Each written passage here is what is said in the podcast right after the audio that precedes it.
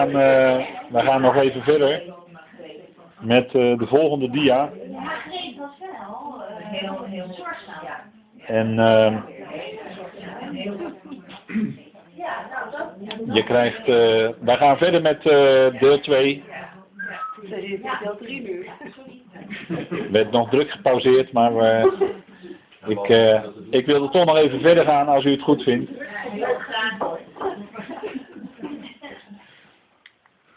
Goed, en dan gaan we verder met inmiddels uh, vers 8. Hè, na die uh, toch een beetje uh, aardige tekening van het mannetje met de telefoon, met de ouderwetse telefoon in zijn hand.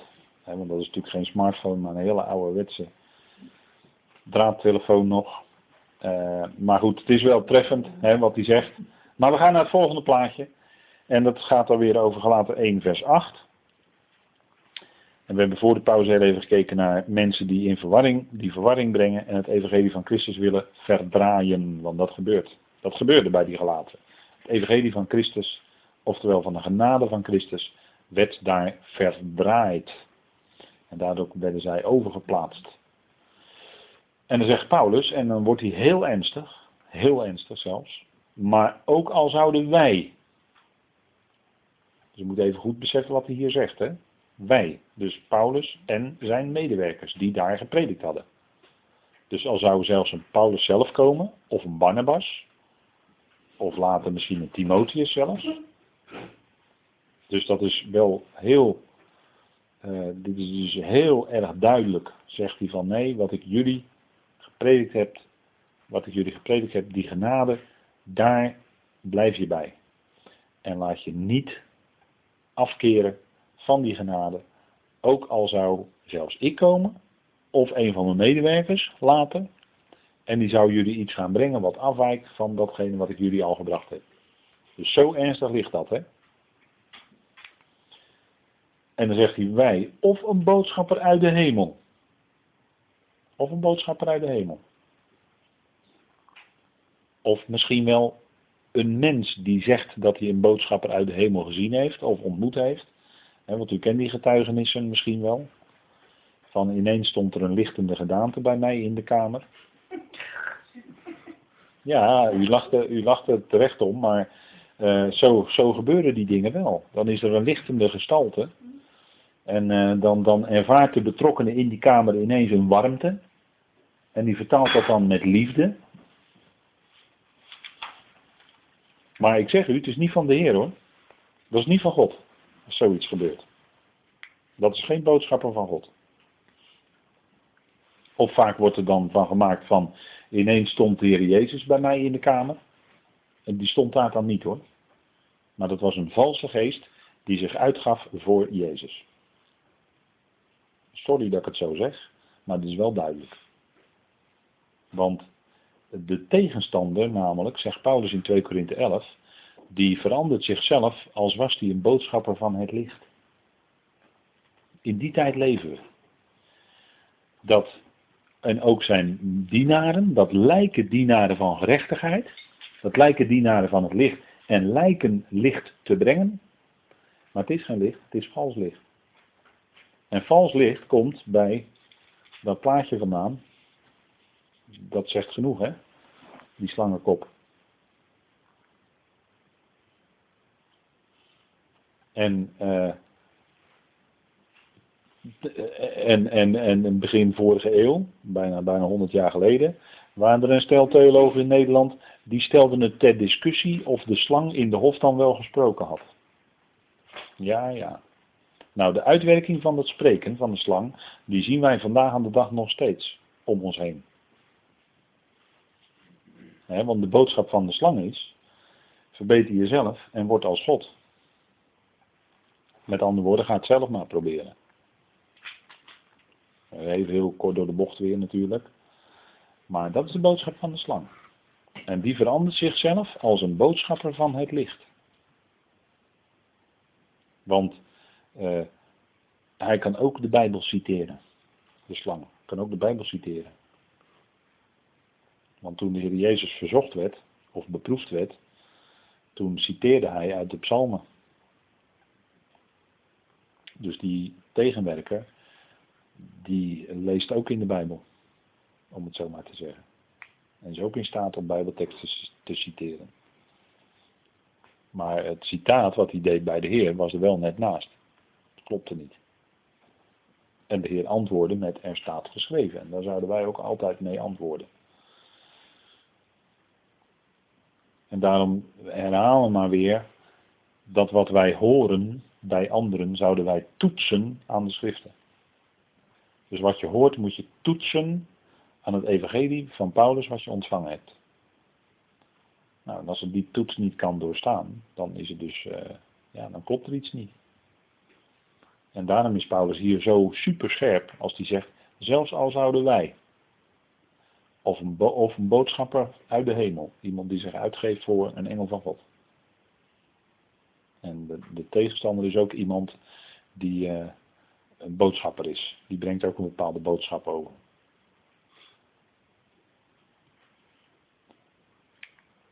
jullie een evangelie verkondigen. Laat één vers nog steeds. En er wordt vandaag veel, tussen aanhalingstekens, evangelie verkondigd. Heel veel. En als je dan even, je hoeft maar even te gaan zoeken, en internet is natuurlijk heel groot en er staat heel veel op. Maar je hoeft maar even te gaan zoeken op internet en te gaan lezen en dan, dan geloof je soms bijna je ogen niet wat je tegenkomt. En dat wordt als evangelie verkocht. Ook letterlijk verkocht. Maar verkondigd, er wordt vandaag veel tussen aanhalingstekens evangelie verkondigd. Maar wat wij ons dan zouden afvragen als gelovigen, is, staat daarin Gods genade centraal? Want een evangelie waarin niet Gods genade centraal staat, is geen evangelie. Verdient niet de naam evangelie. Is geen goed nieuws. Maar waar je wel blij van wordt, is het evangelie van de genade Gods. Want dat zegt namelijk dat niet jij, maar hij doet het. En dan word je verlost in zekere zin van jezelf. En dat is een hele verlossing. Word je verlost van jezelf. Dat hebben we ook gelezen al in Galaten 2 vers 20, het kruis. Dat verlost je van jezelf. En dat brengt je bij hem die jou de kracht geeft om te kunnen leven tot zijn eer. En dan heb je ook vreugde. Want dan leef je door hem. Want voor zover ik nu nog in het vlees leef, zegt Paulus, leef ik door het geloof dat van de Zoon van God, met een hoofdletter, die Zoon, die zichzelf, die mij lief heeft en zichzelf voor mij over heeft. Vandaag. Hij heeft u, jou en mij vandaag lief. En leeft vandaag voor u, jou en mij.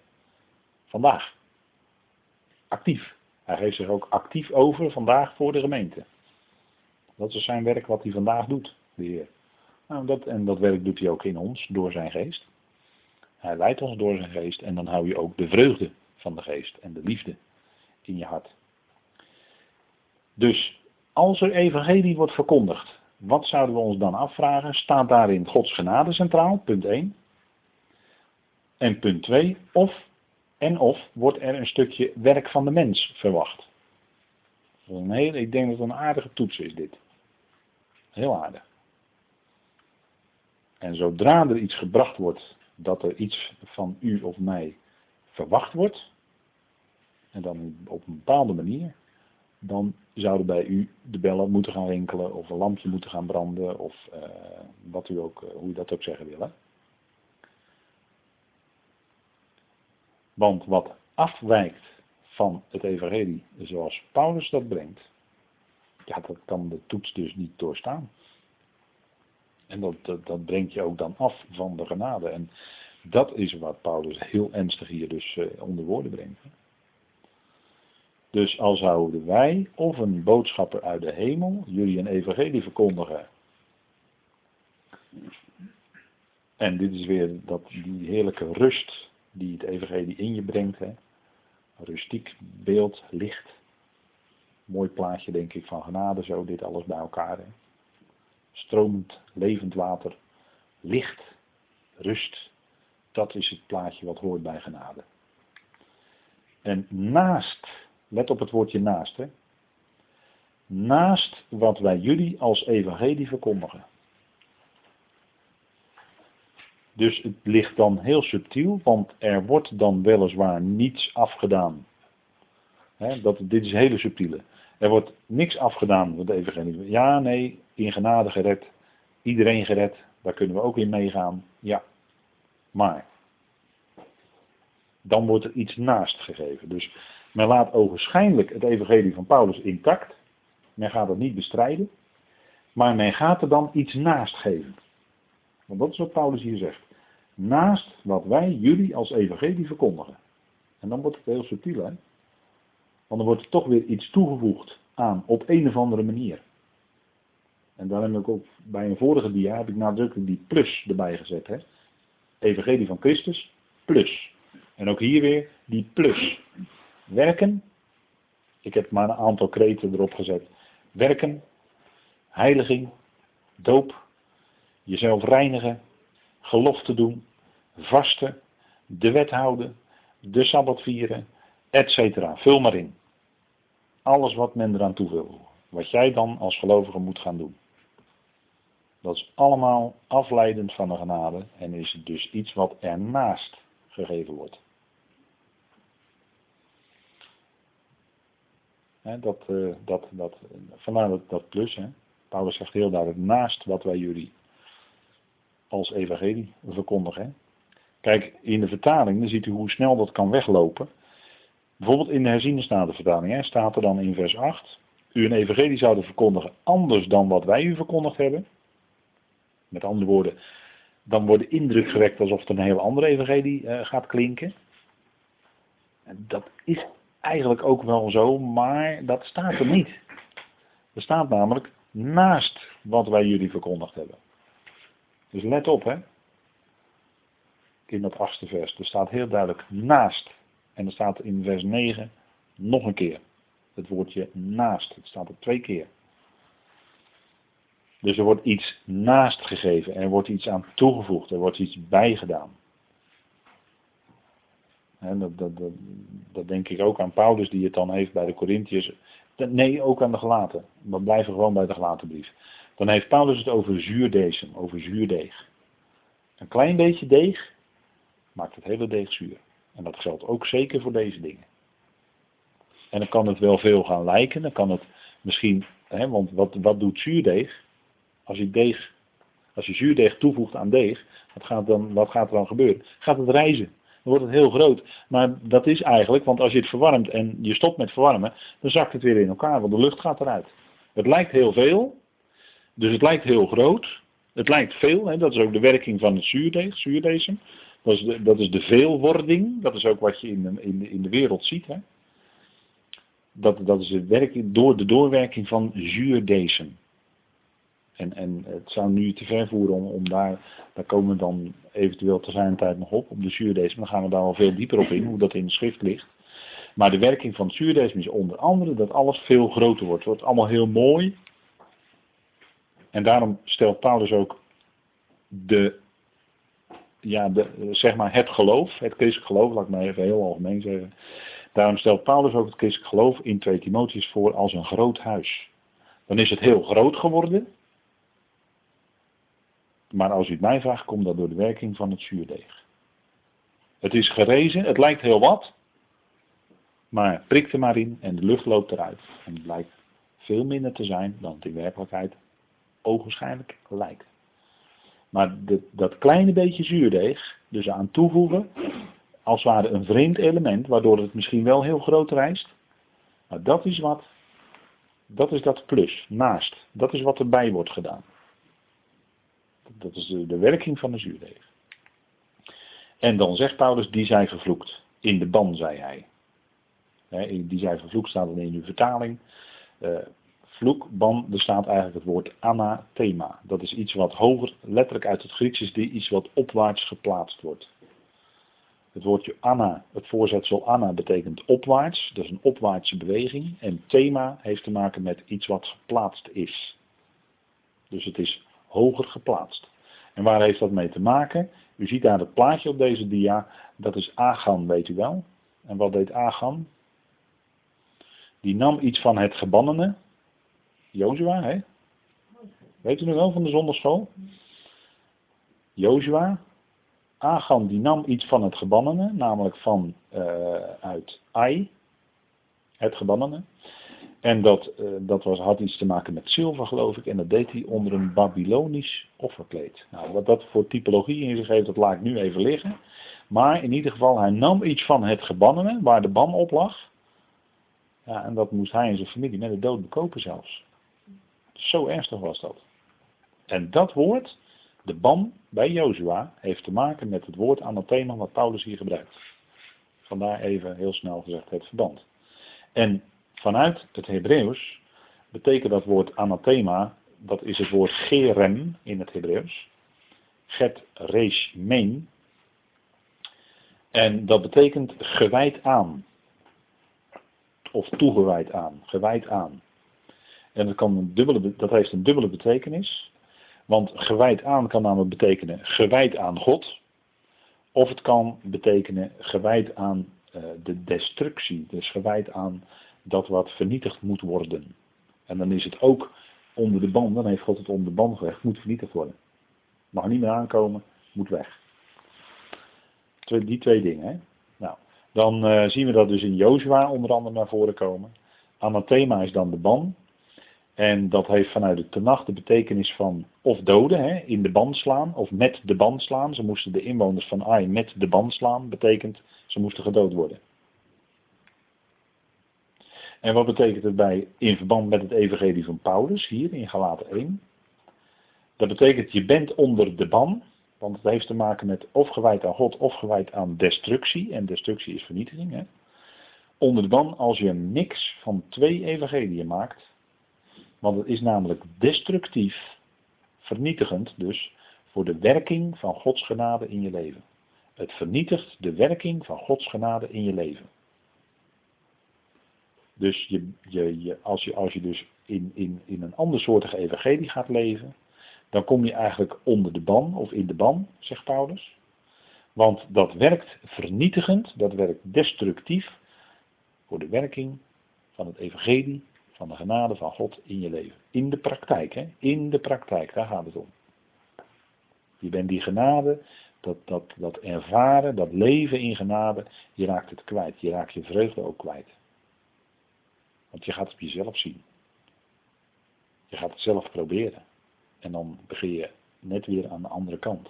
Terwijl het gaat om hij met een hoofdletter die je doet. En de ban is dus destructief voor de werking van Gods genade in je leven. Want, want wat zegt Paulus in Galaten 5 vers 4?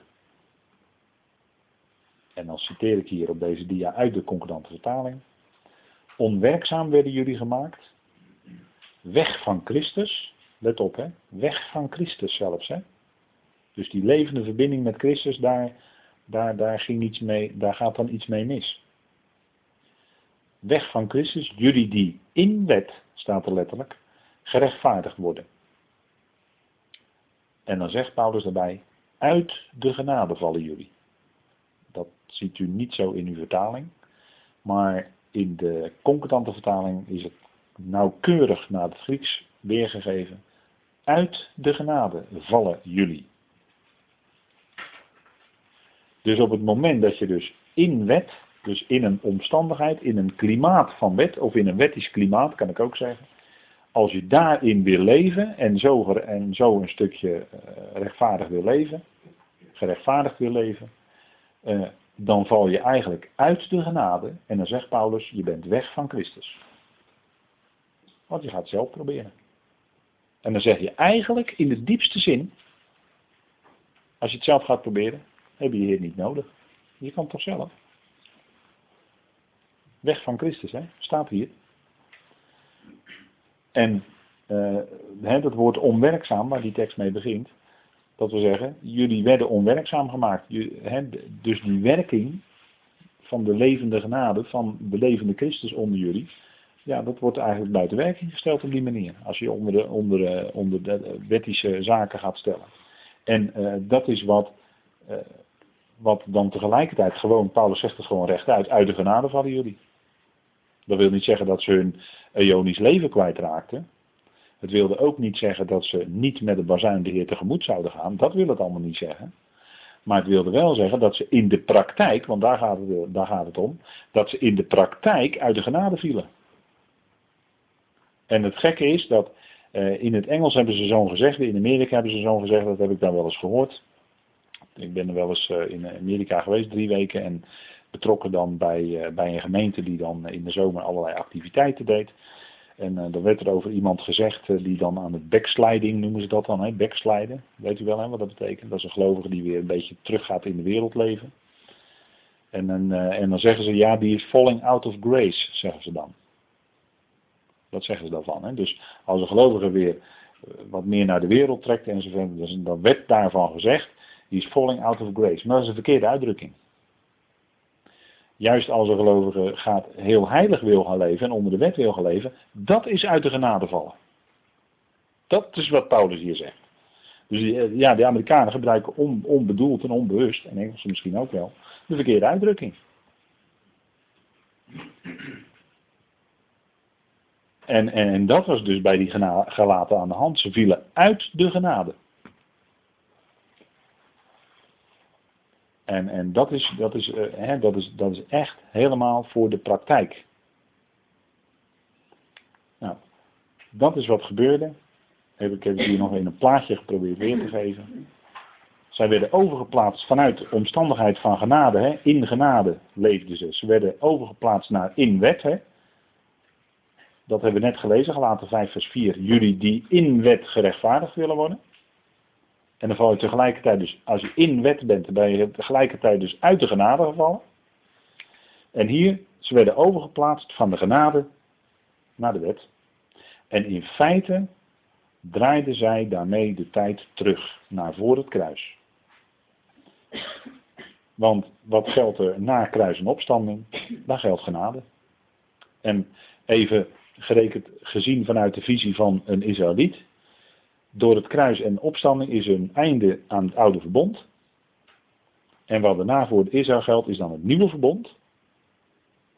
Dus dan is het oude verbond voorbij, dan komt er het nieuwe verbond. En wat zegt het nieuwe verbond? Ik zal, met hoofdletter. Ik zal in mijn geest in jullie geven. Ik zal jullie vlees en harten geven en geen niet langer stenen harten. Ik zal mijn Torah in jullie harten schrijven. Dus allemaal ik zal, ik zal, ik zal. Dat is het nieuwe verbond. En dat geldt na het open graf. Geldt na de opstanding. En wat je dan dus doet als je weer onder het oude, als je weer onder die wet gaat leven, onder het oude verbond dus, want de wet heeft alles te maken met het oude verbond, dan draai je de zaak, draai je de klok eigenlijk terug naar de situatie voor het kruis. Even dan historisch gezegd. Maar het geweldige is dat wij leven na het kruis, dat wij leven met een opgestane Heer, dat wij een opgewekte, levende Christus kennen, die ons dagelijks voorziet van Zijn kracht, van Zijn genade. En dan zeg ik, nou alsjeblieft, wat wil je nog meer? Wat wil je nou nog meer? En, en dat is wat, uh, wat Paulus dan uh, zegt, en daar sluiten we dan mee af. Zoals wij tevoren verklaard hebben, zegt Paulus, en ik nu weer zeg, dus hij onderstreept het nog een keer, zo ernstig is hij. Indien iemand jullie een evangelie verkondigt naast wat jullie aannamen, in de ban, zei hij. En dat is weer dat bekende plusje. Even heel simpel voorgesteld. Je krijgt een cadeau, nou daar hoef je niks voor te doen, dat krijg je gratis. Maar plus is dan als je toch weer gaat inspannen. Met andere woorden, je gaat er toch weer iets aan toevoegen. Dus als je ernaast zegt van je moet nog dit of dat erbij doen, dan, uh, hè, dan ben je dus uh, in de ban. En dat is dus de ban waar Paulus het over heeft. Heel ernstige woorden hoor. Paulus wilde, was uh, natuurlijk door God geleid om dit zo te schrijven. En het zijn hele ernstige woorden. Maar het zijn wel woorden die je bewaren. Die je willen bewaren voor een wandel die afwijkt van de genade en waardoor je je vreugde zou kwijtraken. De vreugde van het evangelie. En dat is niet wat, uh, wat de bedoeling is. Hè. De bedoeling is, wij blijven bij de genade. En wij blijven ons daar vol vreugde in verheugen, elke dag weer. En daarom komt Paulus ook zeggen in de Filipensbrief, verheugt u te allen tijden. Ja, maar er overkomen ons toch allerlei uh, ook ernstige dingen. Ja, maar er overkomt mensen in de wereld ook.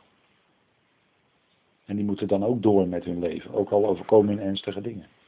En nochtans, zegt Paulus, ondanks het lijden wat er is, ondanks het verdriet wat er is, en dat, dat kende Paulus uit zijn eigen leven als geen ander, zou ik bijna willen zeggen. Het lijden, zei hij toch niettemin, verheug je te allen tijden. Wederom zal ik zeggen, verheug je. En hoe kan dat? Dat kan als je die boodschap van genade, als dat je leven is. Als je daarin leeft, dan blijf je, hè, dan word je niet alleen, maar dan blijf je ook blij. Dan blijf je vreugdevol in je hart, kan ik beter zeggen. En dan is het eigenlijk ongeacht de omstandigheden waar je in bent. Paulus zat ook in de gevangenis en die zong, zingend met je voeten in het blok in de gevangenis, in de kerker. Alsjeblieft. Dat is de werking van genade van God in je leven. Dan uh, lijken de omstandigheden heel duister en moeilijk. En toch kon Paulus met Silas zingen in de gevangenis van Filippi. En hij schreef dan ook aan de Filippenzen: Verheug je te allen tijden in de Heer. En wederom zal ik zeggen: Verheug je. Tot zover.